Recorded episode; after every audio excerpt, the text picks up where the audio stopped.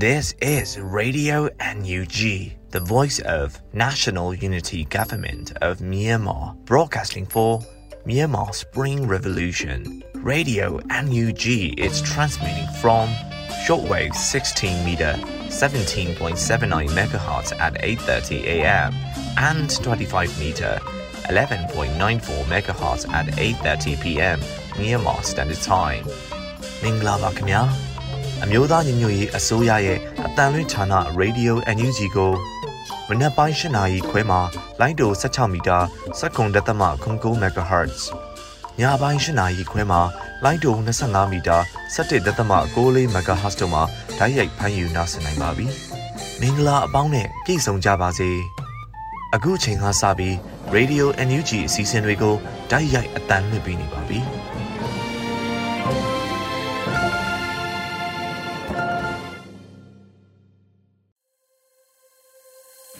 မင်္ဂလာနေ့နဲ့ခင်ပါရှင်ရေဒီယို NUG ကိုနားဆင်နေကြတဲ့မိဘပြည်သူများနဲ့မြန်မာနိုင်ငံသူနိုင်ငံသားအပေါင်းတဘာဝဘေးဆရာနာရှင်ဘေးတို့ကနေကင်းဝေးပြီးကိုစိတ်နှပါဘေးကင်းလုံခြုံကြပါစေလို့ရေဒီယို NUG အဖွဲ့သားများကဆုတောင်းမေတ္တာပို့သလိုက်ပါတယ်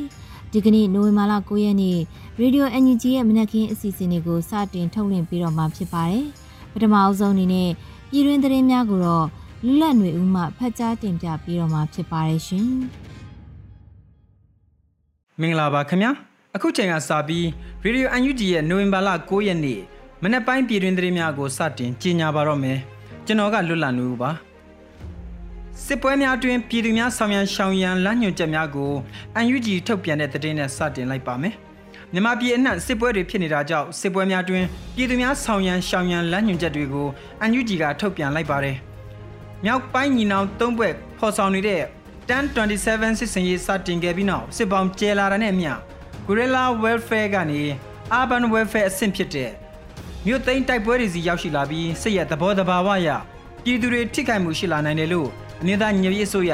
အမျိုးသမီးလူငယ်နဲ့ကလေးငယ်ရေးရာဝန်ကြီးဌာနကထုတ်ပြန်ထားပါတယ်။မြို့သားညီညွတ်ရေးအစိုးရဟာပြည်သူအစိုးရဖြစ်တာနဲ့ညီပြည်သူတွေရဲ့အသက်အိုးအိမ်စီးစိမ်တွေကိုထိခိုက်ပျက်စီးမှုနည်းနိုင်သမျှနည်းအောင်မဟာဗျူဟာများချမှတ်ပြီးจิตသုံးနေတယ်လို့အသိပေးထားပါတယ်။ အခုစီစဉ်ကိုပြည်သူအတွက်တောင်ပန်များဟူသောစစ်တွင်းပြည်သူများဆောင်းရန်ရှောင်ရန်လမ်းညွှန်ချက်တွေကိုလိုက်နာကျင့်သုံးဖို့တိုက်တွန်းထားတာဖြစ်ပါတယ်။ပြည်သူတွေရဲ့အသက်အိုးအိမ်စည်းစိမ်ထိခိုက်ပျက်စီးမှုနည်းသမျှနည်းစေဖို့မြို့သားညွရေးဆိုရ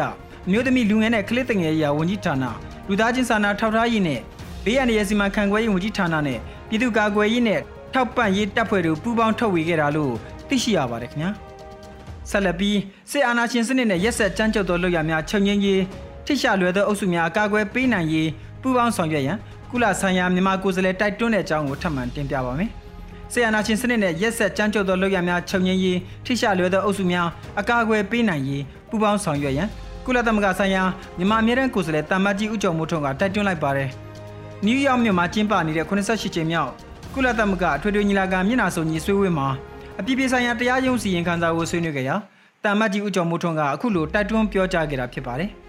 ကုလသမဂ္ဂအဖွဲ့ဝင်နိုင်ငံများအထူးသဖြင့်လုံခြုံရေးကောင်စီအနေနဲ့အပြည်ပြည်ဆိုင်ရာတရားရုံးထံသို့အမှုများလွှဲပြောင်းတင်သွင်းခြင်းနဲ့အကြံပြုချက်များတောင်းခံခြင်းဖြင့်တရားရုံးအားပုံမသုံးချရန်လဲအခြားနိုင်ငံများနဲ့အတူတိုက်တွန်းတောင်းဆိုခဲ့ပါတယ်။မိမိတို့အားလုံးကုလသမဂ္ဂဗဒိညင်စာတမ်းပါပြဋ္ဌာန်းချက်များကိုဂတိပြုထားသည့်အတိုင်းလိုက်နာဆောင်ရွက်ပြီးထိရောက်သောအရေးယူဆောင်ရွက်ချက်များကိုအချိန်မီချမှတ်နိုင်မှသာငြိမ်းချမ်းရေးကိုဖော်ဆောင်နိုင်မှာဖြစ်တယ်လို့အသိပေးပြောကြားခဲ့ပါတယ်။ အဆိုပါဂတိကဝတ်များပြန်လည်အသက်သွင်းရေးစေအာနာရှင်စနစ်နဲ့၎င်းတို့ရက်ဆက်ကြမ်းကြုတ်သောလုပ်ရများချုပ်ငိမ့်စေရေးနဲ့ထိရှလွယ်အုပ်စုများကိုကာကွယ်ပေးရေးအတွက်အတူတကွပူးပေါင်းဆောင်ရွက်ကြဖို့တိုက်တွန်းပြောကြားခဲ့ပါတယ်။ဒါ့အပြင်မြန်မာပြည်သူများအတွက်ထိရောက်သောအရေးယူမှုများလှုပ်ဆောင်ပေးစေလိုကြောင်းလည်းမြန်မာတမန်ကြီးကပြောကြားခဲ့ပါတယ်။အပြည်ပြည်ဆိုင်ရာတရားရုံးမှမှုတွဲတွေမြင့်တက်လာသည့်တိုင်အောင်မြင်စွာဆောင်ရွက်နိုင်မှုများအတွက်တရားရုံးကိုကျေးဇူးတင်ရှိကြောင်းနဲ့အစည်းအဝေးခန်းစာတင်သွင်းတဲ့ကာလအတွင်း တရားရုံးအနေနဲ့ကဘာတလွားကရှုပ်ထွေးတဲ့ပြဿနာတွေကိုအလေးထားလေ့လာပြီးအမိတ်များနဲ့စီရင်ချက်များချမှတ်ပေးနိုင်ခဲ့တာကိုသိရှိရတဲ့အတွက်အားရကျေနပ်ကြောင်းလည်းဆွေးနွေးပြောကြားခဲ့ပါတယ်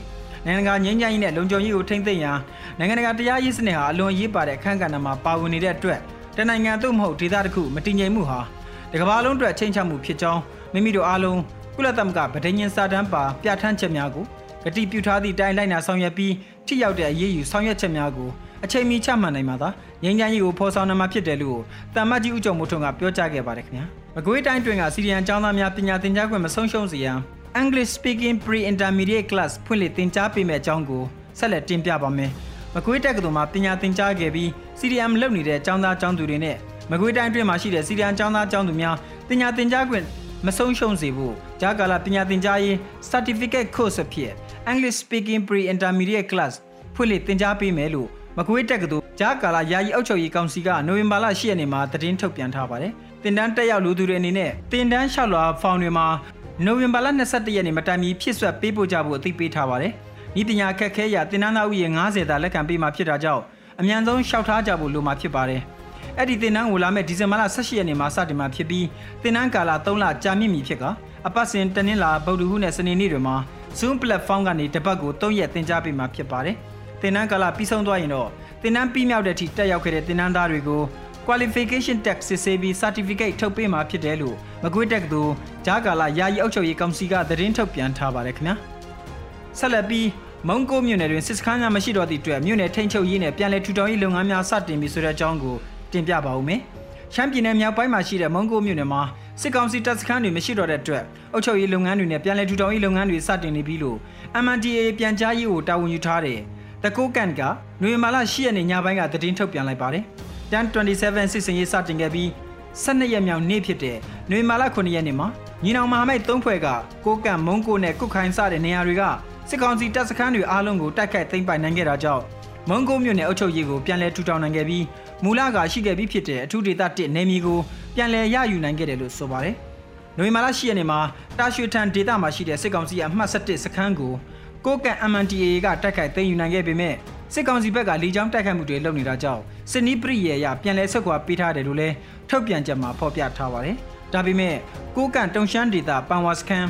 ဟောက်ရှင်းမော်ထိုက်ဒေတာတွေမှာရှိတဲ့တပ်စခန်းတွေနဲ့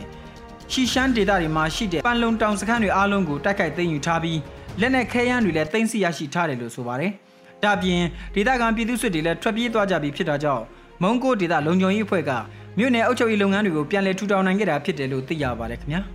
။မူဆယ်မြို့နယ်မန့်ဖာကြီးရွာ၌ TNL နဲ့ SSPP SSA တို့ဖြစ်ခဲ့သောတိုက်ပွဲနဲ့ပတ်သက်လို့မဟာမိတ်ရေးရာရုံးမှတစီအပြန်လည်ဆက်သွယ်ဖြည့်ရှင်းသွားမယ်လို့ TNL ကသတင်းထုတ်ပြန်လိုက်ပါတယ်။ရှမ်းပြည်နယ်မြောက်ပိုင်းမူဆယ်မြို့နယ်နဲ့နမ်ခမ်းမြို့ကြားရှိမန့်ဖာကြီးရွာတွင်1027စစ်စင်ရေးတာဝန်ထမ်းဆောင်နေတဲ့ TNL နဲ့ SSPP SSA တို့ဖြစ်ခဲ့တဲ့တိုက်ပွဲမှာ TNL တပ်ဖွဲ့ဝင်၄ဦးသေဆုံးပြီး2ဦးဒဏ်ရာရခဲ့တယ်လို့ ပလောင်ပြည်နယ်လွတ်မြောက်ရေးတပ်ဦး PSLF TNL တည်င်းနဲ့ပြန်ကြားရေးဌာနကနွေမာလာ10ရက်နေ့မှာတည်င်းထုတ်ပြန်လိုက်ပါတယ်။နွေမာလာ9ရက်နေ့က1027စစ်စင်ရေးတာဝန်ထမ်းဆောင်နေတဲ့ PSLF TNL တပ်စုတစုကိုတပ်ဖွဲ့ဝင်10ဦးပါတဲ့ SSA ကလက်နက်အပြည့်စုံနဲ့ရောက်ရှိလာပြီးပြစ်ခတ်ခဲ့တာကြောင့်အပြန်အလှန်ပြစ်ခတ်မှုတွေဖြစ်ခဲ့တယ်လို့ထုတ်ပြန်ချက်မှာဖော်ပြထားပါတယ်။ အခုလိုပြန်လည်ပြစ်ခတ်ခဲ့တာကြောင့် PSLF TNL တပ်စုမှတပ်ဖွဲ့ဝင်၄ဦးသေဆုံးခဲ့ပြီး2ဦးဒဏ်ရာရခဲ့တယ်လို့ SSA ဘက်ကလည်း၄ဦးသေဆုံးပြီး2ဦးဒဏ်ရာရခဲ့တယ်လို့ဆိုပါတယ်။အခုလိုတိုက်ပွဲမဖြစ်မီနိုဝင်ဘာလ6ရက်နေ့မှာမူဆယ်နဲ့နမ်ခမ်းမြို့နယ်ကိုဆက်သွယ်ထားတဲ့ကားလမ်းမှာတာဝန်ယူနေတဲ့ TNL ရဲ့ mindset ရွာဖိုင်ကျောင်းရွာနဲ့မန်ဖာရွာလုံခြုံရေးကင်းစခန်းတွေကို SSPP ဘက်ကမနေ့ပိုင်းမှာ3ကြိမ်ညနေပိုင်းမှာ9ကြိမ်လာရောက်နှောက်ယှက်ခဲ့ပြီးတပ်ပုံမှတ်တမ်းယူတာတွေပြုလုပ်ခဲ့တဲ့အတွက် TNL တပ်ဖွဲ့ဝင်တွေကရိုက်ကူးထားတဲ့တပ်ပုံတွေဖျက်ခိုင်းခဲ့ပြီးနောက်ထပ်မလုပ်ဖို့တတိပေးကပြန်လုပ်ခဲ့တယ်လို့ထုတ်ပြန်ချက်မှာရေးသားဖော်ပြထားပါတယ်။နွေမာလာ9ရက်နေ့မနေ့ပိုင်းမှာလဲ SSPP ဘက်ကတိုက်နေမှုစိုင်းမောင်အောင် TNL လုံခြုံရေးစခန်းနီးရောက်ရှိလာခဲ့ပြီးတပ်နေရာခြားထားမှုကိုတပ်ပုံမှတ်တမ်းရိုက်ခဲ့တဲ့အတွက် TNL ဘက်ကစိုင်းမောင်အောင်ကိုခဏတာခေါ်ယူစစ်ဆေးနေချိန်မှာ SSPP ဘက်ကအရာရှိစိုင်းလင်းတဲ့ဖွဲ့ရောက်လာပြီးစတင်ပစ်ခတ်ခဲ့တာကြောင့်အပြန်လန်ပစ်ခတ်မှုတွေဖြစ်ခဲ့ရပြီးနှစ်ဖက်တပ်ဖွဲ့ဝင်တွေအသက်ဆုံးရှုံးခဲ့ရတယ်လို့အသိပေးထားပါတယ်။ ပြဿနာမကြီးလာစေဖို့အတွက်နှစ်ဖက်ခေါင်းဆောင်တွေထိမ့်ညှိထိမ့်သိမ်းသွားမှာဖြစ်ပြီးလက်ရှိပြဿနာကိုလည်းမဟာမိတ်ရေးရာယုံချင်းချင်းအပြန်လန်ဆက်သွယ်ဖြေရှင်းသွားမှာဖြစ်တယ်လို့ TNL ဘက်ကသတင်းထုတ်ပြန်ထားပါတယ်။လက်ရှိမှာအခုဖြစ်ခဲ့တဲ့ပြဿနာကိုအချိန်မီဖြေရှင်းနိုင်ဖို့အတွက်စိုင်းမောင်အောင်ကိုရမီရဖတွေတန်းအနံထားပြီးဖြစ်တယ်လို့ TNL လေးကထုတ်ပြန်ကြမှာဖော်ပြထားပါတယ်ခင်ဗျာဆက်လက်ပြီးရင်းမပင်မြို့နယ်တွင်စစ်တပ်စစ်ကြောင်းနဲ့ရင်တန်းကိုမိုင်းဆွဲတိုက်ခိုက်မှုစစ်တပ်ဘက်မှထိခိုက်သေးဆုံးမှုများနိုင်တဲ့အကြောင်းကိုထပ်မံတင်ပြပါမယ်။ စကိုင်းတိုင်းရင်းမပင်မြို့နယ်မှာအကြမ်းဖက်စစ်ကောင်စီစစ်ကြောင်းနဲ့ရင်တန်းကိုပြည်သူ့ကာကွယ်ရေးအဖွဲ့တွေကမိုင်းဆွဲပြီးလက်နက်ကြီးတွေနဲ့ပစ်ခတ်ခဲ့တာကြောင့်စစ်တပ်ဘက်ထိခိုက်သေးဆုံးမှုများနိုင်တယ်လို့ချင်းတွင်တိုနီယာ PDF ကနွေမာလာ၈ရက်နေ့မွန်းလွဲပိုင်းမှာသတင်းထုတ်ပြန်လိုက်ပါတယ်။နွေမာလာ၈ရက်နေ့မနေ့ပိုင်းကရင်းမာပင်မြို့နယ်လဲငေါ့ရွာတောင်ဘက်မှာအကြမ်းဖက်စစ်ကောင်စီစစ်ကြောင်းနဲ့ရင်တန်းကိုပြည်သူ့ကာကွယ်ရေးအဖွဲ့တွေပူးပေါင်းတိုက်ခိုက်ခဲ့တာလို့သိရပါတယ်။ချင်းတွင်တိုနီယာ PDF ဒေါင်းနဲ့ဘာမရှောင်းចောင်းသားသမဂ္ဂစတဲ့မဟာမိတ်ပူးပေါင်းဖွဲ့တွေက တစ်ဖက်ပွင့်မိုင်းများအန်စာရုံးမိုင်းများလက်နက်ငယ်များ60မမ80မမ90မမလက်နက်ကြီးတွေနဲ့ပစ်ခတ်တက်ခတ်ခဲ့တာကြောင့်အကြမ်းဖက်စစ်ကောင်စီဘက်ကတိခိုက်ကြဆမှုများနိုင်ပြီးပြည်သူ့ကာကွယ်ရေးရဲဘော်များထိခိုက်မှုမရှိခဲ့ဘူးလို့ထုတ်ပြန်ချက်မှာဖော်ပြထားပါတယ်။စစ်ကားနှစ်စီးနဲ့တူအင်အား80ကျော်ပါတဲ့အဆိုပါအကြမ်းဖက်စစ်ကောင်စီစစ်ကြောင်းဟာ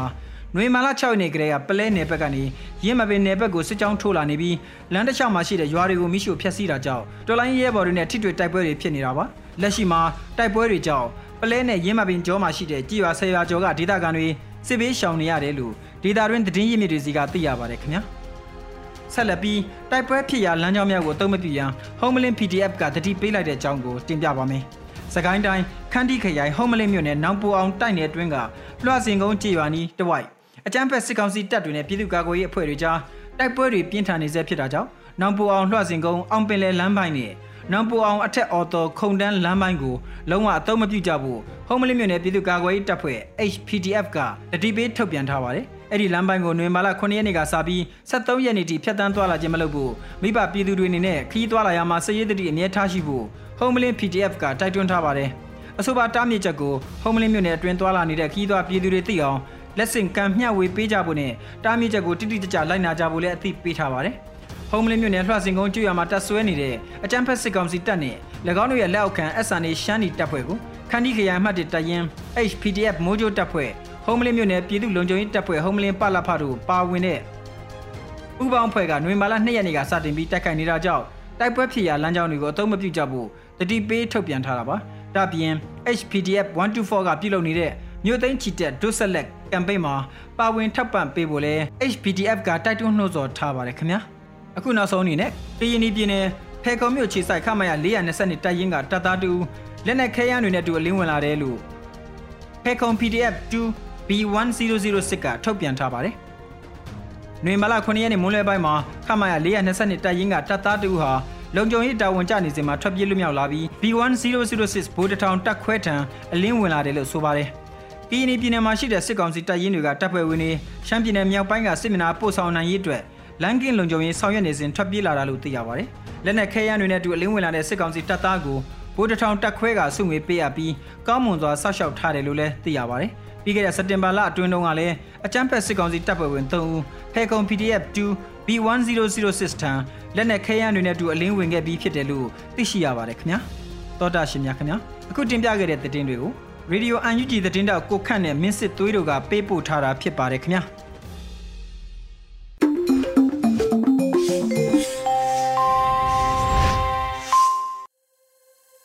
ရေဒီယိုအန်ယူဂျီမှဆက်လက်အသံလွှင့်ပေးနေပါတယ်။အခုဒီခါမှာတော့စမ်းကြော်စွာဝင်ရေးသားထားပြီး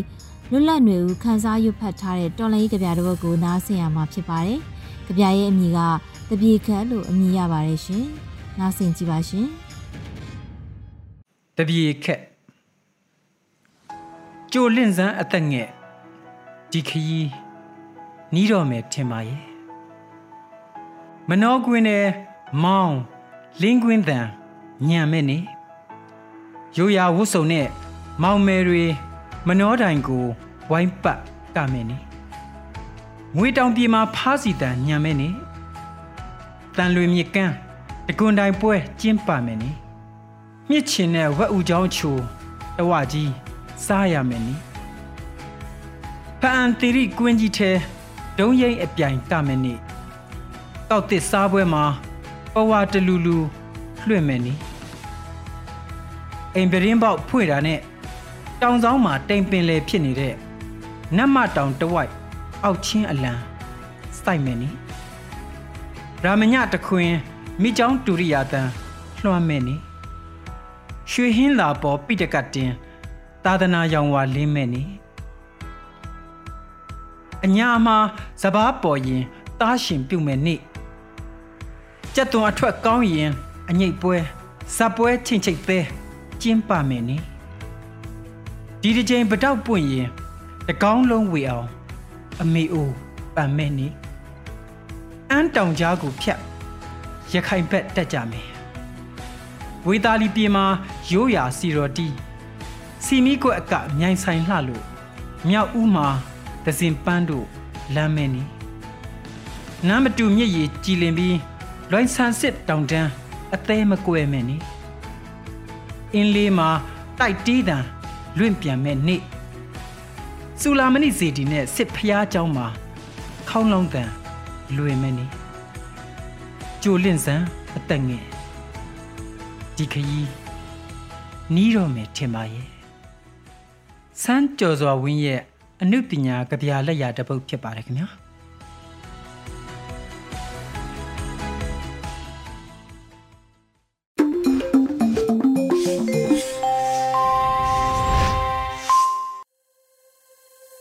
ရေဒီယိုအန်ယူဂျီရဲ့မနက်ခင်းအစီအစဉ်တွေကိုဆက်လက်အသံလွှင့်ပေးနေတာဖြစ်ပါတယ်။အခုတစ်ခါမှာတော့ချင်းရွှေဟော်ဖောင်းဆိုင်ကျူကုတ်ကောလင်းခမ်းပတ်နဲ့ဆရာနာရှင်စနစ်ဖြုတ်ချရေးနဲ့ Federal ပြည်ထောင်စုတည်ဆောက်ရေးလို့အမည်ရတဲ့မြန်မာနွေဦးခရိုနီကယ်နိုဝင်ဘာလ9ရက်မြင်ကွင်းမူမခဆောင်းပါးကိုနွေဦးမိုင်မှဖတ်ကြားတင်ပြပြီးတော့မှာဖြစ်ပါတယ်ရှင်။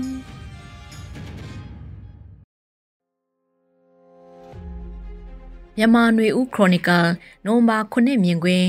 ချင်းရွှေဟော်ဖောင်းဆိုင်ကျူကုတ်ကောလင်းခမ်းပတ်နဲ့စစ်အာဏာရှင်စနစ်ဖြုတ်ချရေးနဲ့ဖက်ဒရယ်ပြည်ထောင်စုတည်ဆောက်ရေးမြောက်ပိုင်းညီနောင်သုံးဖွဲ့ရဲ့အောက်တိုဘာ29ရက်နေ့နနက်စောစောကစတင်လိုက်တဲ့10နှစ်ခွန်စစ်စင်ရေး10ရက်ကျော်ရှိလာချိန်မှာစစ်စင်ရေးနေမြေထဲကမြို့အချို့ကိုကိုကပ်ဖွဲ့ကသိမ်းယူနိုင်ခဲ့တယ်လို့တိုင်းသားလက်နက်ကိုင်မဟုတ်တဲ့ UNG လက်အောက်ကပြည်သူ့ကာကွယ်တပ်ဖွဲ့ PDF တွေကလည်း KIA တပ်ဖွဲ့ဝင်တွေရဲ့ကြီးကြပ်မှုနဲ့ကောလင်းစကိုင်းတိုင်းအထက်ပိုင်းတမူးမြို့နယ်ထဲကခမ်းပတ်မြို့တို့ကိုသိမ်းယူခဲ့တဲ့သတင်းတွေဖော်ပြထားကြတာဖြစ်ပါတယ်။မြောက်ပိုင်းညီနောင်သုံးဖွဲ့အနေနဲ့ဒီစစ်စင်ရင်နဲ့ပတ်သက်လို့ရည်ရွယ်ချက်ကိုထုတ်ပြန်ထားရလဲဖြစ်ပေမဲ့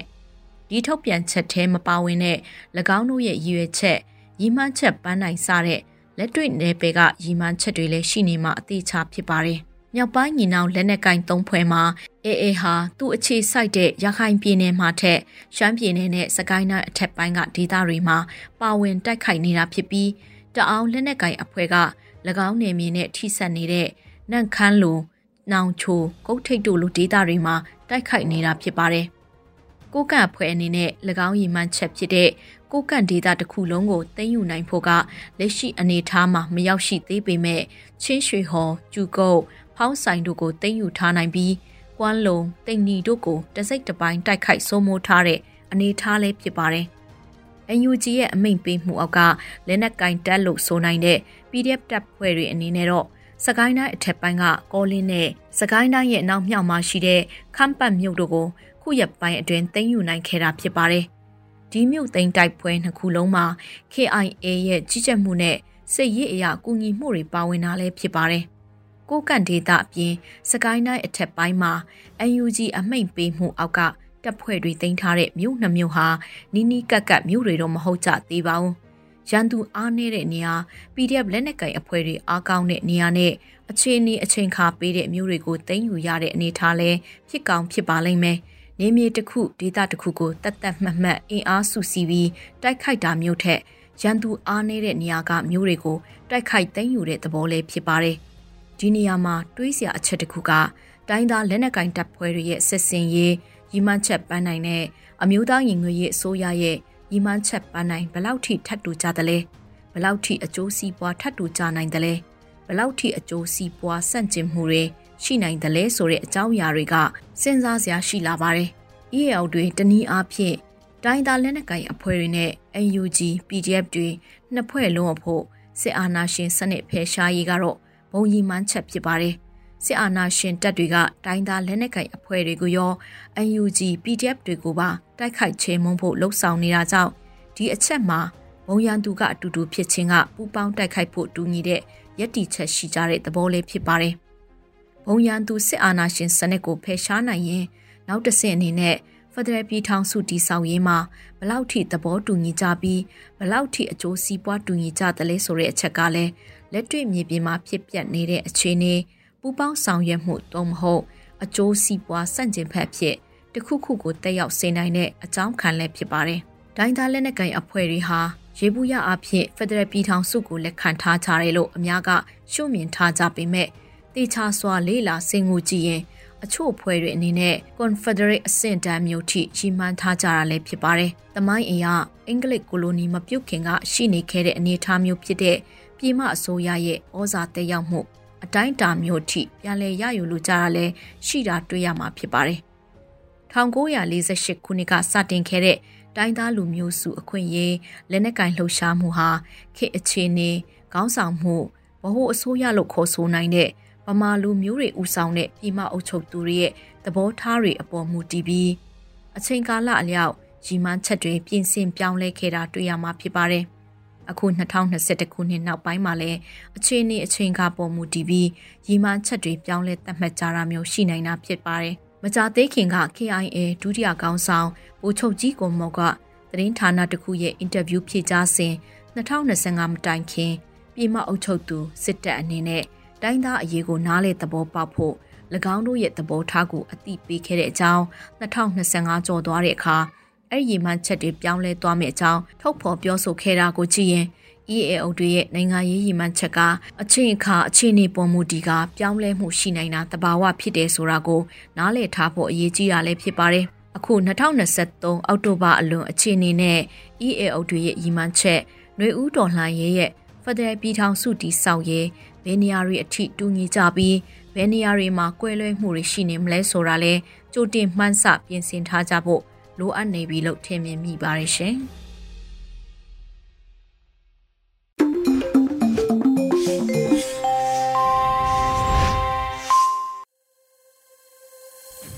ဆက်လက်ပြီး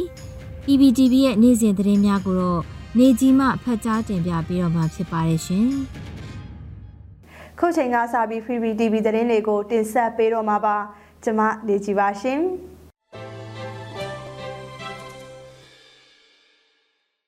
ဆုံးတင်ဆက်ပေးမယ့်သတင်းကတော့ပြည်သူ့ရဲတပ်ဖွဲ့နဲ့စကိုင်းမကွေးပြည်သူ့လုံခြုံရေးအဖွဲ့များတွေ့ဆုံဆွေးနွေးတဲ့သတင်းပါ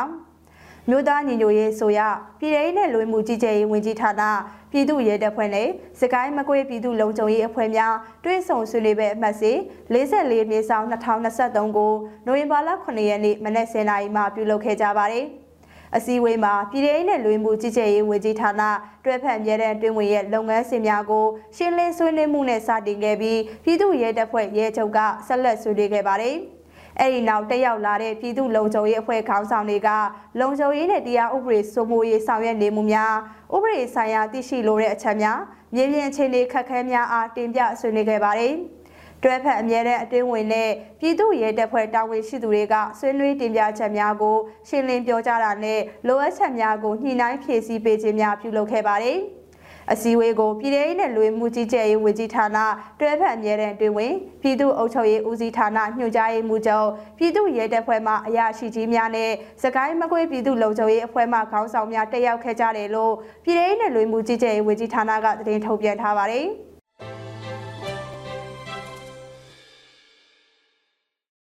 ဆက်လက်တင်ဆက်ပေးမှာကတော့ Federal Democracy ပြည်အောင်စုတည်ဆောက်နိုင်ရေးအတွက်ဆီယနာသိမ်းမှုကိုဆက်ကျင်တဲ့တိုင်းရင်းသားမဟာမိတ်အင်အားစုတွေမဟာမိတ်ဖွဲ့စည်းတွေနဲ့လက်တွဲဆောင်ရွက်မယ်လို့ NLD ကြေညာချက်ထုတ်ပြန်လိုက်တဲ့သတင်းမှာဖက်ဒရယ်ဒီမိုကရေစီပြည်အောင်စုတည်ဆောက်နိုင်ရဲ့အတွက်ပြည်သူလူထုနဲ့အတူဆီယနာသိမ်းမှုကိုဆက်ကျင်တဲ့တိုင်းရင်းသားမဟာမိတ်အင်အားစုတွေမိဖက်အဖွဲ့အစည်းတွေနဲ့ဒီဇိုင်းမမက်လက်တွဲဆောင်ရွက်သွားမှာဖြစ်တယ်လို့မြို့သားဒီမိုကရေစီဖွဲ့ချုပ် NLD ကဒီကနေ့မှကြေညာချက်ထုတ်ပြန်လိုက်ပါတယ်။ အထွေထွေရွေးကောက်ပွဲ၃နှစ်ပြည့်နိုဝင်ဘာ၈ရက်ဒီကနေ့မှာမြို့သားဒီမိုကရေစီဖွဲ့ချုပ် NLD ကအခုလိုကြေညာချက်ထုတ်ပြန်ခဲ့တာပါထုတ်ပြန်ချက်ထဲမှာအာနာသိန်းခေါင်းဆောင်မင်းအောင်လှိုင်ဦးဆောင်တဲ့စေအုပ်စုကရင်းတို့လိုချင်တဲ့ရလက်ဖြစ်ပေါ်မလာတဲ့အတွက်မဲစရေးမှားရွံ့နေဆိုတဲ့လိမ်လည်အကြောင်းပြချက်နဲ့ထိုစဉ်ကတီဆဲဖွဲ့စည်းအခြေခံရဲ့ဥပဒေကိုချိုးဖောက်ပြီးနိုင်ငံတော်ရဲ့အာဏာကိုအာရမလူယူကပါတီခေါင်းဆောင်များကို မတရားဖမ်းဆီးထိန်းသိမ်းခဲ့တယ်ဆိုတာနဲ့ပြည်သူတို့ရဲ့ဆန္ဒပြုချက်များမျှော်လင့်ချက်များကိုရိုက်ချိုးဖျက်ဆီးလိုက်ခြင်းဖြစ်ပြီးတိုင်းပြည်တဝေပျက်စီးဆုံးရှုံးမှုများဖြစ်ပေါ်စေကဒေသအတွင်းတည်ငြိမ်မှုကိုပါပြပြစေခဲ့တယ်လို့ဖော်ပြထားပါတယ်။အမျိုးသားဒီမိုကရေစီအဖွဲ့ချုပ်ကဖွဲ့စည်းထားသောလူခွေရေးချုပ်ဖောက်မှုမှတ်တမ်းများကောက်ယူရေးအဖွဲ့ NND 8HDD ကနိုဝင်ဘာလ၁ရက်နေ့ထိကောက်ယူထားတဲ့မှတ်တမ်းတွေအရအကြမ်းဖက်စစ်ကောင်စီရဲ့ဖမ်းဆီးခံထားရသူလွှတ်တော်ကိုယ်စားလှယ်82ဦးအပါအဝင်အဖွဲ့ချုပ်ဝင်စုစုပေါင်း1290ဦးရှိတဲ့ဆိုထားပါတယ်။ဒါအပြင်ဖမ်းဆီးခံထားရစဉ်ကာလအတွင်းတည်ဆုံးသူလွှတ်တော်ကိုယ်စားလှယ်3ဦးအပါအဝင်ပြီး NLD ပါတီဝင်100ဦးရှိတယ်လို့လည်းဖော်ပြထားပါတယ်။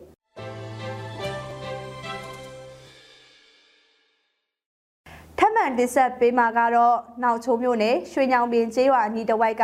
အကြမ်းဖက်စစ်တပ်ကို TNN နဲ့မန္တလေး PDF တွားရောက်တိုက်ခိုက်ခဲ့တဲ့တဲ့မှာ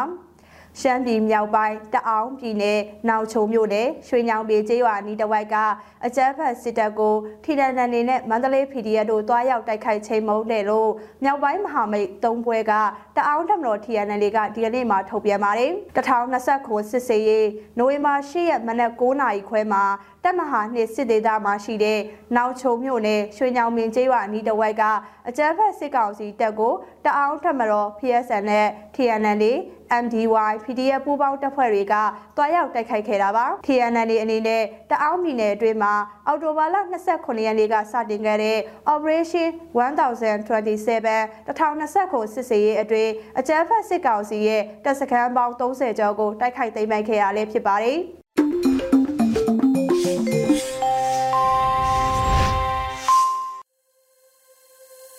ဒီကနေ့ရဲ့နောက်ဆုံးအစီအစဉ်အနေနဲ့တော်လိုင်းရေးတေဂီတာမှာတော့ Duo 21 ရေးသားထားပြီးဒေါင်းတီဆိုထားတဲ့အောင်ပွဲတေးလို့အမည်ရတဲ့တော်လိုင်းရေးတေဂီတာကိုနားဆင်ရမှာဖြစ်ပါတယ်ရှင်။။